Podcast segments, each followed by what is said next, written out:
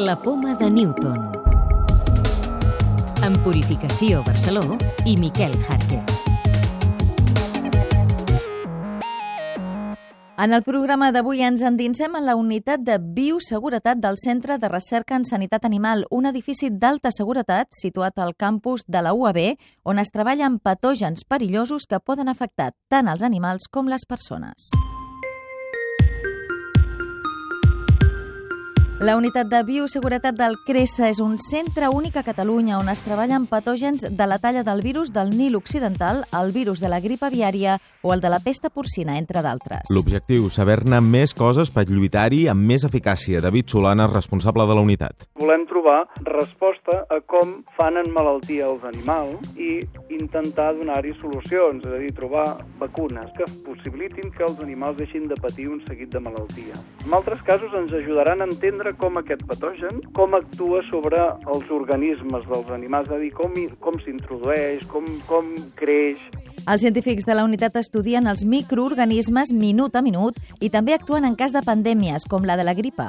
Hi ha un seguit de microorganismes que afecten tant animals com a persones que podem nosaltres també treballar amb ells en l'interior i així, en molts casos, aconseguir obtenir resultats que ens que afavoreixin, que ens ajudin també a la lluita en determinades malalties que són tant d'animals com a persones.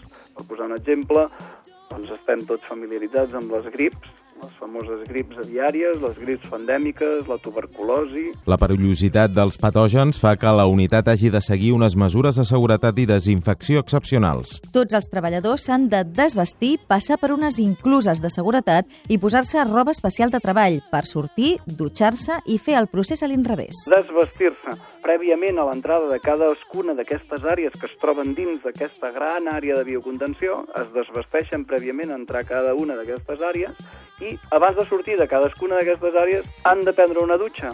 Es vesteixen amb roba de dins de la unitat i segueixen treballant en altres àrees. I abans de sortir a l'exterior, novament prenen la última de les dutxes, que és per anar ja cap a la zona on es vestiran amb la roba del carrer. És a dir, hi ha personal en l'interior de la unitat de biocontenció que, depenent del dia, pot tenir 4, 5, 8, hem arribat a 10, 12 dutxes en un dia. La unitat del Cresa és única a Catalunya, la segona de tot l'Estat i una de les 17 d'aquestes característiques que treballen en xarxa arreu d'Europa.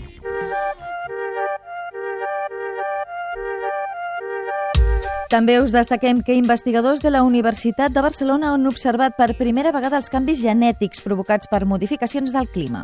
Aquests científics han estudiat l'efecte d'una onada de calor en el genoma d'una determinada espècie de mosca i han demostrat que la resistència a unes determinades temperatures té un origen genètic. Barcelona Digital encapçala un projecte europeu per ajudar persones amb discapacitat a interactuar amb el seu entorn. Han elaborat un prototipus que capta i interpreta impulsos cerebrals de l'usuari usuari i li permet fer accions que no podia fer sol. El sistema permet, per exemple, a persones amb greus discapacitats participar a les xarxes socials, apagar o encendre el televisor o controlar qualsevol aparell de la llar. Una nova tècnica permet per primera vegada captar imatges en tres dimensions de partícules atòmiques. Aquest projecte l'ha ideat el CSIC, la nova tècnica de microscòpia es pot aplicar a la ciència de materials, la biologia molecular i la nanomedicina. La clau de volta.